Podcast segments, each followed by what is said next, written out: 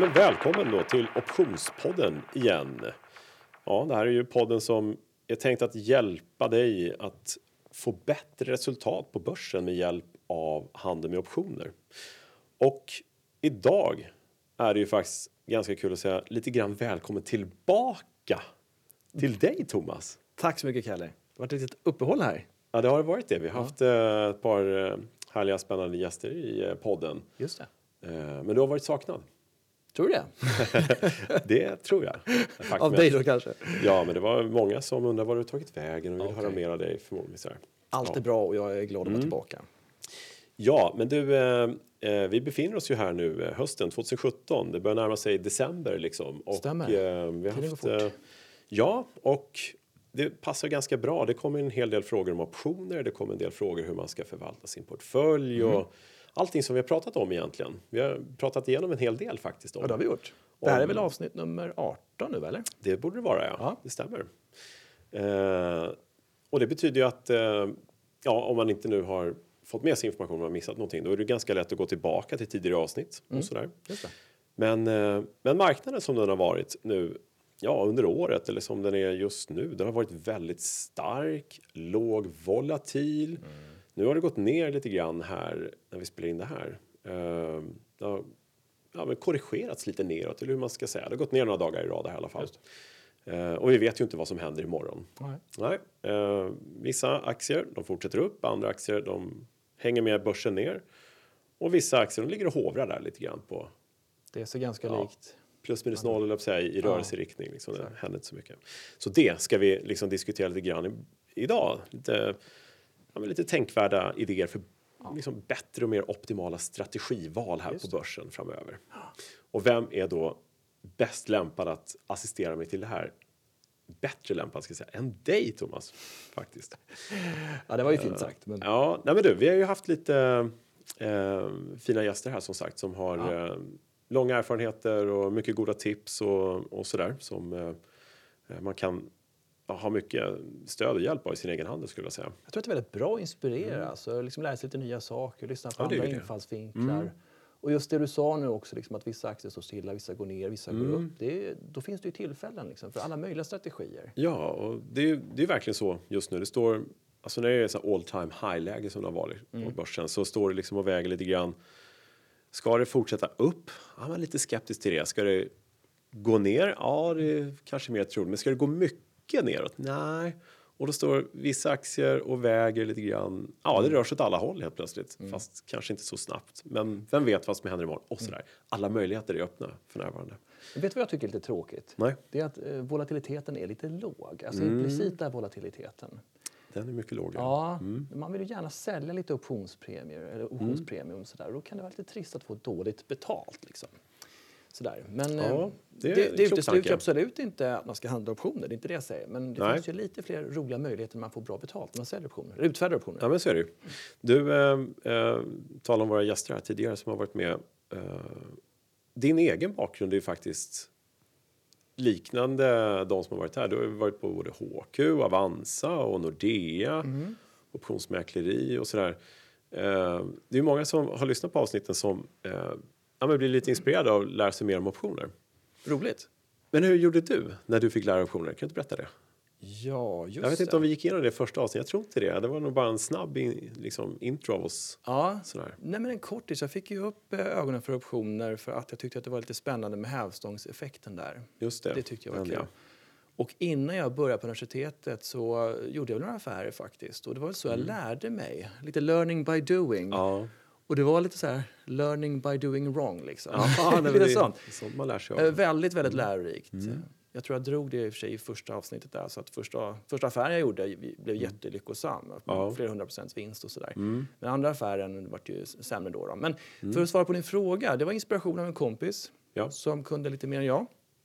Och eh, sen läste jag faktiskt de här broschyrerna som OM hade på den tiden.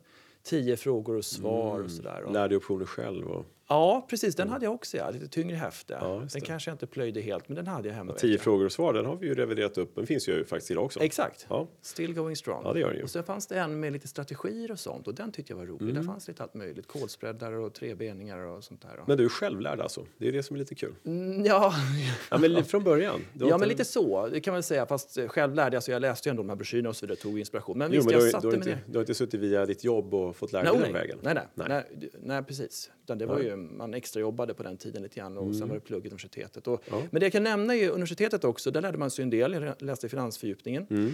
Och, eh, men det var ju lite mycket teori, så det gav kanske inte så hemskt mycket för just själva handeln. Utan det var Nej, värdering och sådana saker och få helhetsbilden. Just det. Ja, du var inne på det alldeles nyss som vi, som vi pratade om i de här föregående avsnitten också. Att det är först när du handlar själv, när du får en position som är din så att säga, Ja. som du faktiskt lär dig. Verkligen. För fokus blir ju helt annorlunda när du har Ja, köpt en kol eller köpt en aktie bara. Du får en helt annan koll på visst är det så. grejerna. Så att det är ju det bästa skolan faktiskt. Ja. Att öva med en riktig position. Exakt. Och, och, men det man bör börja med, som jag varit inne på förut också, det är kanske att handla fiktivt. Man sätter sig ner, skriver ner på papper, nu går in i en Mm. sån position, kollar vad den kostar och sen så kanske man säljer eller gör någonting justerande efter ett tag och sådär. Just Så man det. följer lite grann. Ja. Men absolut, att sen gå in och handla rent på riktigt, alltså, det, det är absolut det jag skulle göra. Ja. Börja lite försiktigt förstås. Men sen så gick du precis som eh, våra tidigare gäster, du, du har ju eh, hanterat väldigt mycket kunder Ja, i optionshandeln. just det. Så du har ju hört väldigt många olika önskemål, klagomål eller Ja, oh ja, eh, misstag oh ja. eller succéhistorier och sådär. Ja, verkligen. Eh, det har jag gjort. hur kunde liksom en arbetsdag för dig se ut? Kunde vara kul att höra liksom normalt sett. Det var ingen dag den andra lik. När det gäller kunders idéer Mm. Nej, och hur de handlade. det kunde vara en hel del olika frågor och företeelser som hände och sådär. Mm. Men om, när jag började på HQ då, 97, efter att jag var klar för universitetet, så började jag som det hette placeringsrådgivare, man kan säga lite mer juniormäklare, rådgivare och sådär. Ja. Och redan då så handlade jag en del optioner med kunder och sådär. Mm. Och eh, det, det var väl eh, mer så vardagliga, enklare strategier som folk gjorde då. Mm. Sen när jag kom in på derivatgruppen, optionsgruppen ett tag senare, ett år senare, Mm. då var det väl lite mer avancerat. Då pratade jag mycket med mäklarna också på HQ och så där. Man resonerade kring olika strategier för olika marknadslägen och sånt. Mm. Och eh, ja, nej men vad ska man säga? Det, alla möjliga frågor dök upp verkligen. Det var kul att sitta och resonera och diskutera vad som kunde vara bra för olika marknadslägen och Ja. sånt och justera positioner. Eh, Om man tänker sig två stycken eh, detaljer. Den ena är kunders vilja då och nu. Mm. Har egentligen inte ändrats för alla vill ju göra bra affärer och tjäna pengar. Ja, Eh, riskviljan är väl är den ungefär densamma. Det finns liksom inte så mycket som ändras på det sättet kanske. eller? Nej, jag tycker nog... Nu var det tio år sedan Mm. jag lämnade medlemssidan, alltså banksidan. Då var jag ju på Avanza innan jag gick till eh, Nasdaq eller OMX. Då. Mm. Och då tycker jag nog att det var ganska likadana samtal. Det måste jag säga. Ja, det var Så det det. har inte hänt så mycket där. Nej, det, nu är det tio år sedan som sagt. Just men jag det. tycker nog att det var ganska likt. Och då kan man då jämföra det med hur marknaden har ändrats. Ja. Produkter som har tillkommit och hur själva handeln har förändrats. Och, Mm. ja, för de som är intresserade av reglementen så finns det ju Mifid som har ko- tillkommit sedan tio Ja. år tillbaka och Precis. fortfarande utvecklar marknaden. Sådär. Exakt. Så handeln har ju förändrats och produkterna har ju ska jag säga, utökats till ja. en massiv mängd möjligheter, produkter sådär. Mm. Jo, det finns Eh. betydligt mer nu än på mm, ja, 90-talet, sent 90-tal när jag, när jag började. Ja, därför att handeln med derivaten har faktiskt minskat liksom, tack vare att det har kommit mycket mer andra produkter. Ja, precis. Eh, varför, varför tror jag det har blivit så?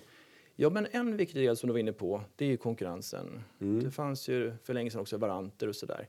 Eh, men det finns olika certifikat och ETP, olika produkter. Och sen har ju bankerna börjat skapa en hel del egna produkter och marknadsför dem. Så våra produkter, alltså standardiserade derivat, kanske kommer lite grann i skymundan. Men en viktig företeelse tror jag också, det baserar på min egen erfarenhet kan man säga, att eh, internetmäklarna har ju verkligen exploderat och tagit över väldigt många kunder. Ja, Och då är det så att då sitter du själv och trycker oftast, eller hur? På webben. så är det. Så är det. Och eh, då får du inte den här naturliga kontakten med mäklare som kanske kan ge dig råd Nej. och säga att det här ska du göra. Har du tittat på optioner? Eh, Ska du skydda din portfölj lite? Ska du köpa ett, en säljoption eller Mm. liknande? De är faktiskt förhindrade, de flesta mäklare, då, att just ge råd och lyfta fram optionsstrategier. Så det är mycket upp till slutkunden att ta tag i det själva. De får lyssna på podd helt enkelt. Ja, det är väl ett viktigt Ja. inslag också. Ja. Att, att nå slutkunden med ett budskap, absolut. Mm. Men eh, framtiden då för den standardiserade optionen, och, eller derivat kanske man ska säga. Vad tror vi?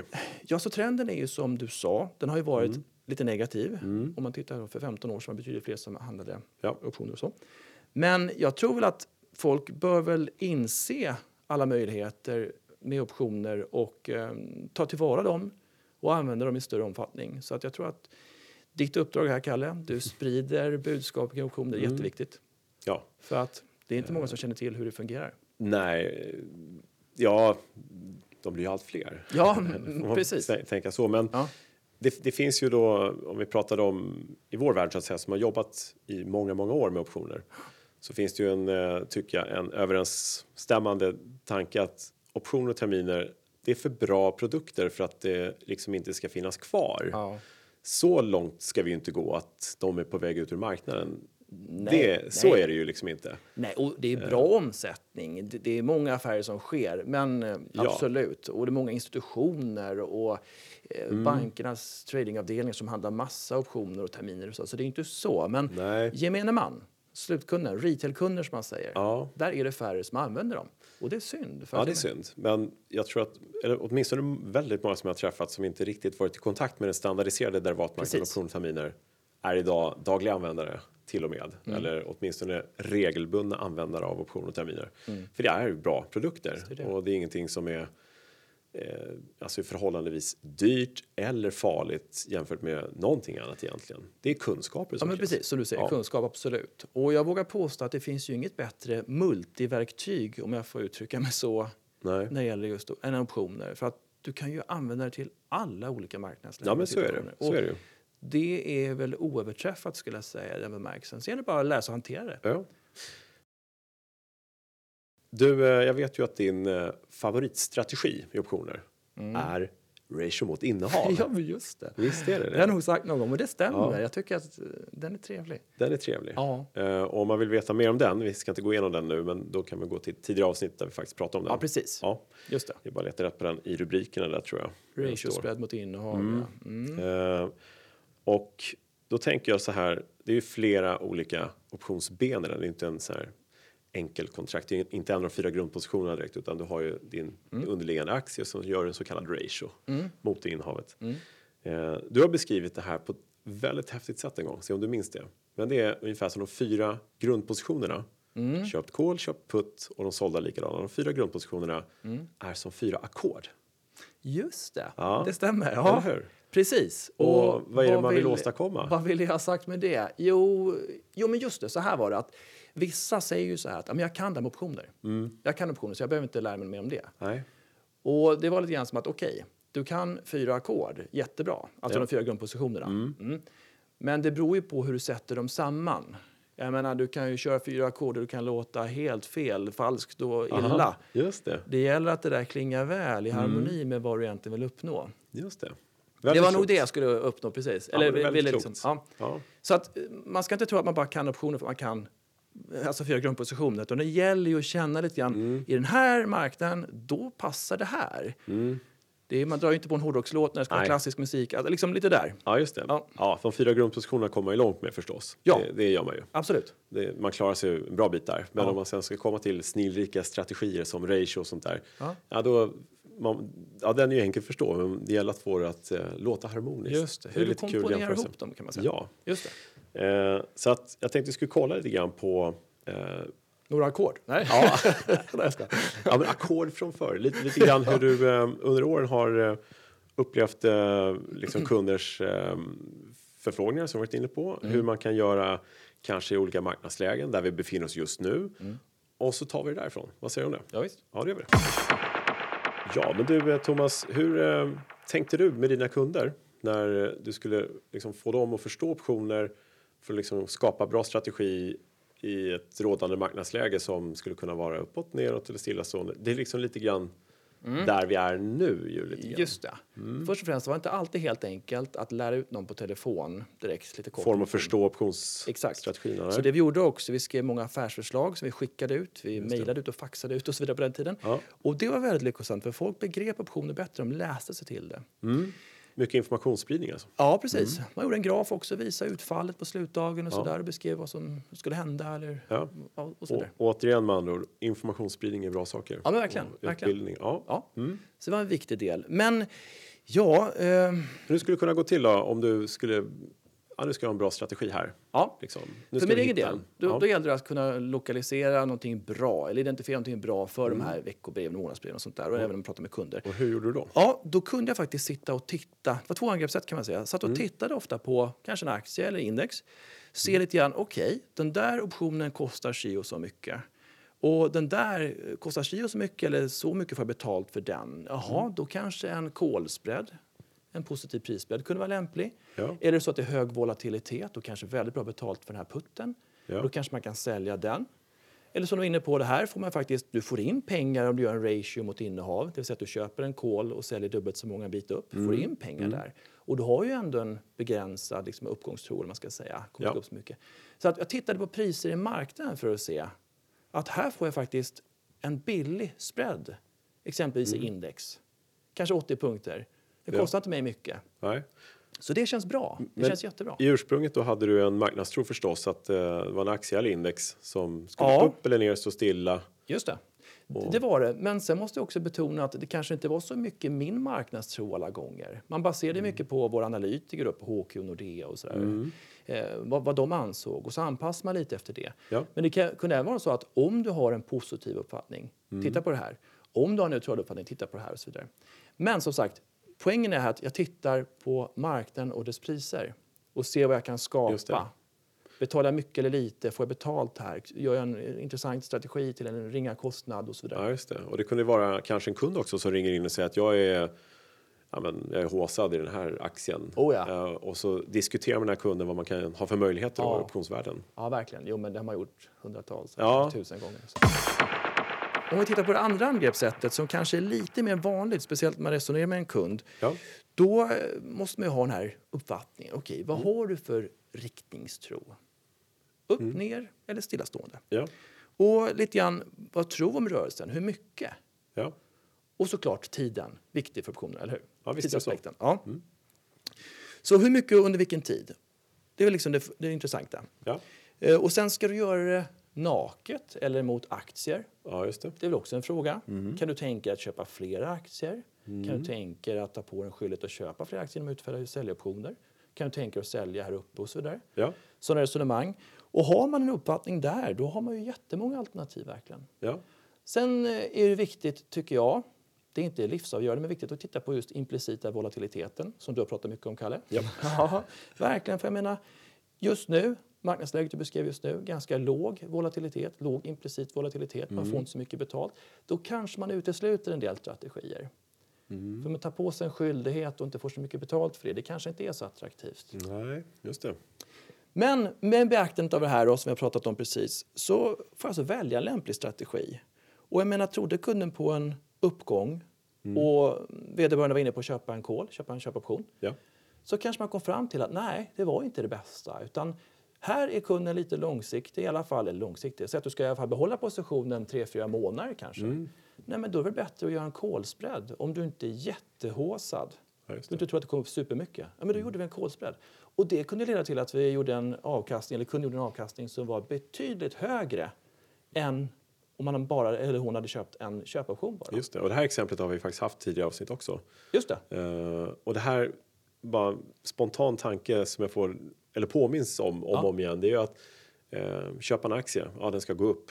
Här har du ju helt plötsligt alla aspekter. Mm. Om det ska gå upp, ner, stå stilla, om det går upp fort Ja. eller när det går upp. Vilket är skillnaden då mellan att köpa bara en kol eller om man ska köpa en kol spread. Just det. Och det är en viss skillnad, helt klart. Du kappar i taket där, liksom, jag säga, du Ja. sätter ett tak på din eh, potentiella vinst. Ja. Men om du inte tror att det ska gå över en viss nivå, du ska du självklart göra en spread. Billigare procentuellt så kommer det säkert komma mycket bättre ut det. i slutändan. Liksom. Och som vi pratade om i det avsnittet också, det är bara att det, du är lite begränsad, du låser in den lite för att uppnå bästa effekt. En call spread kommer ju till sin rätt om, den, alltså om du håller behåller den till förfall nästan skulle jag säga. Just det. För går det upp 20% imorgon, då var det inte bra med en call spread, utan då var det bättre att köpa en call. Liksom. Det. Så man tänker på de bitarna också. Ja, och eh, om man tänker så här, rådande marknadsläge, det har varit väldigt stark marknad i år, 2017. Det har gått upp väldigt mycket, många aktier på höga nivåer och sådär. Och det kanske är vanligare får vi väl säga kanske att man tror att det kanske ska korrigeras lite neråt innan det fortsätter lika mycket uppåt igen sådär. Ja. Och volatiliteten, risken i marknaden är ju väldigt låg. Ja, du är väldigt påläst på VIX där. Jag är inte Ja. helt uppe nu, men det är, det är väl väldigt lågt fortfarande. Ja, VIX är låg, men även på, på svenska marknaden så är det väldigt låg volatilitet. Sådär. Det har kommit upp lite nu sista tiden har det gjort faktiskt, men eh, det är ändå ja, men låg risk. Ja. Och det är också en faktor att- liksom tänka på när man ska göra sån här, kanske en callspread just, faktiskt en ganska bra grej. Man fortfarande tror på en viss uppgång, men att det inte ska gå upp så himla mycket. Mm, exakt. Eh, då kan det vara ett klockrent alternativ till exempel. Ja. Och, och varför säger vi det då? Bara för att vi benar ut det också. Jo, för att i och med att du säljer en option också. Köper en, en call, en bit, alltså säg att the money säger vi bara. Och sen säljer en bit upp. Då säljer du tiden. Du säljer lite tid, du investerar mindre. Det är det, som är poängen. Just så. Verkligen. Och då får du en mycket högre procentuell avkastning vid en mm, ja, mindre uppgång också. Just det. För att köpa bara kolen, inte sälja någonting, utan bara kolen, det är mycket dyrare. Det är dyrare Ja. och det tickar ju tid ur den. Så är det. Så att du är lite mer sårbar. Mm. Så att vi har en del, eh, alla de faktorerna vi tittar på det här, riktning och tid och Mm. volatilitet. Det är ju tre faktorer som är väldigt viktiga att ha klart för sig.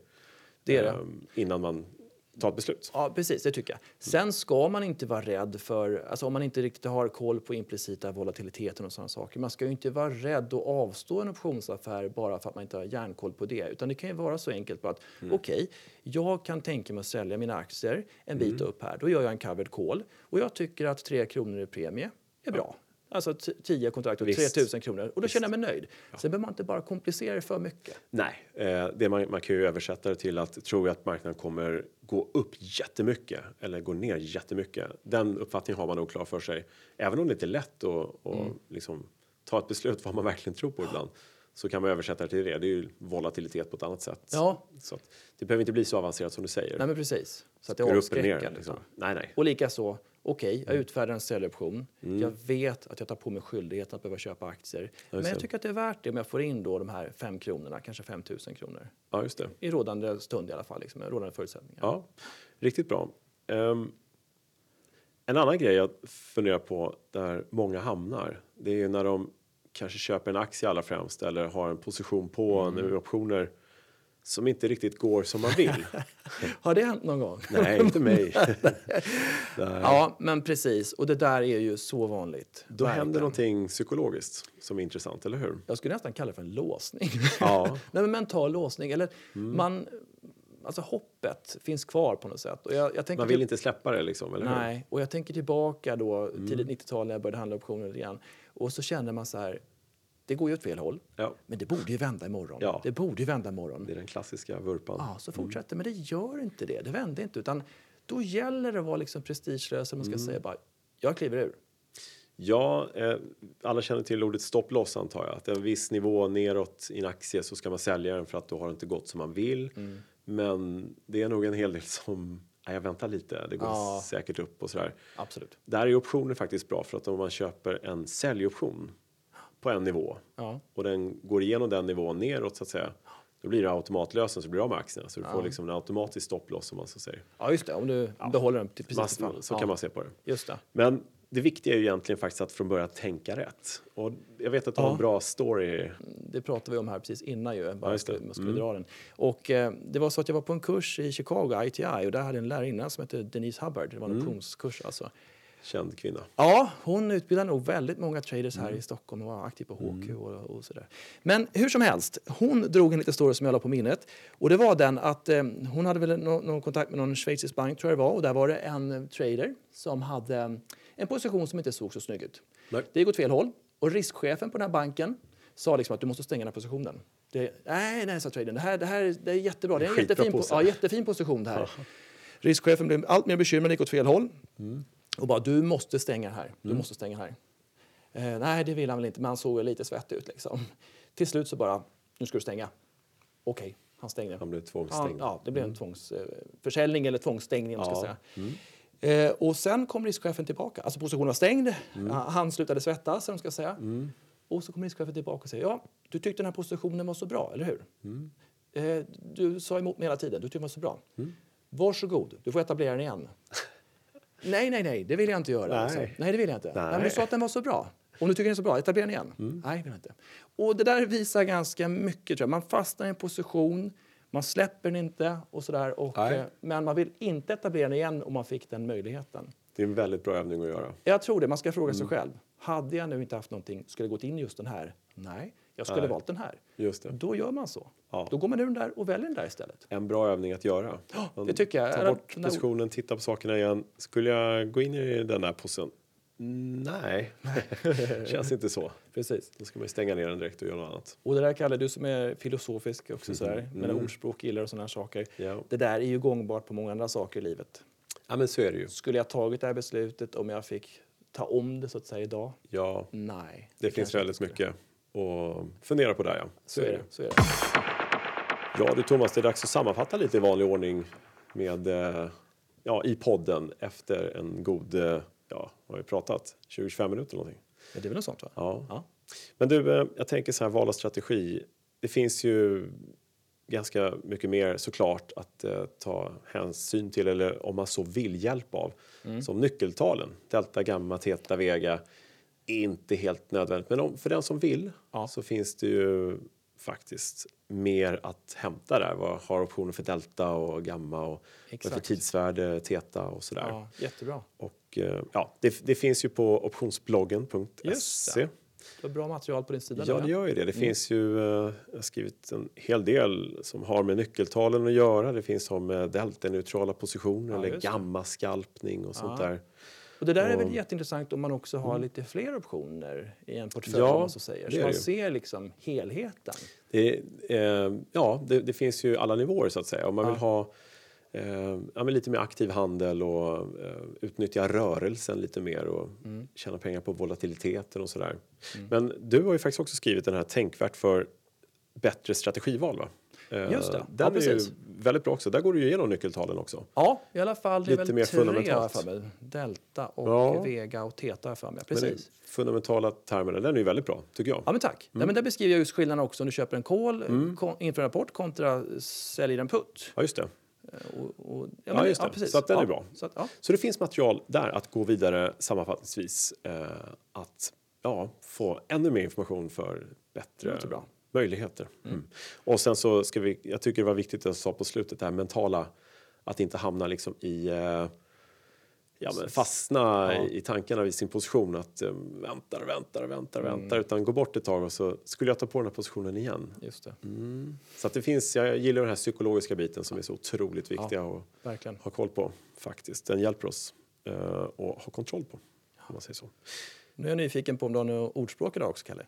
Ja, jag har ju alltid ordspråk men Ja, men jag sätter dig på pottkanten. Vad har du för ordspråk? Eller citat eller vad som helst. Men Jag brukar inte gärna, eller gärna, jag brukar inte förbereda så ofta, men... Nej, men ehm, du, jag vet att du är en man vid sidan av optioner som är full av filosofiska storverk och sådär. Eh, Ja, om vi säger så här då. Mm. Eh, med tanke på det jag sa och det här med att man ska vara liksom lite ödmjuk, det finns en position och kanske ta ett steg tillbaka och betrakta den kanske och sådär. Mm, just det.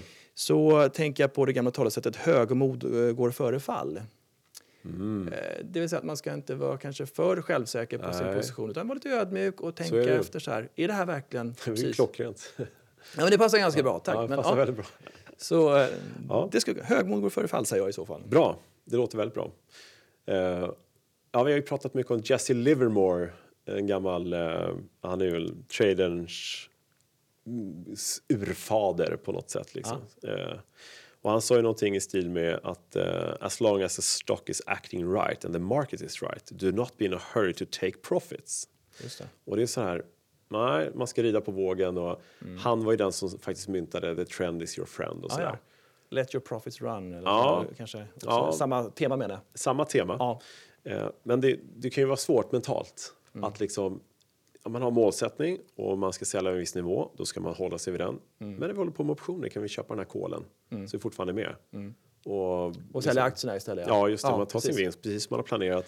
Men man kan fortfarande vara med. Man har den bästa av Exakt. två världar. Liksom. Ja, men precis. Och som du var inne på inledningsvis här också, vi har en lågvolatil marknad. Då kanske du köper en putt nu istället. Nu har du ganska billiga puttar. Just det. Och Många behåller aktierna. Då har du syntetiskt samma sak som en köpt kol och sådär. Så Exakt. det kan ju vara ett alternativ också. Utan att vara. rekommendera. Jag får inte rekommendera saker. Men Nej, men då gör jag det. ja, bra. Ja. Ja. men precis. Nej, men sådana saker. Ja, absolut. sådana saker. Ja. Um, ja, sen sa han också never buy a stock because it has had a big decline from its previous high. Det betyder att en aktie som har varit jävligt stark och fin, eh, lite fingerprintvarning där liksom, som gått rakt ner och så tycker man, nej men den här är ju jättebillig, den måste gå rakt upp i himlen, den köper vi. Eh, den har ju gått ner liksom 90 Ja. procent, vad bra. Precis. Men då är det det där procentuella tänket igen. Och tänk en aktie som gått ner 90 procent, vad är det för något? Mm, det är en aktie som har gått ner 80 procent och sen halverats. Ja, just det.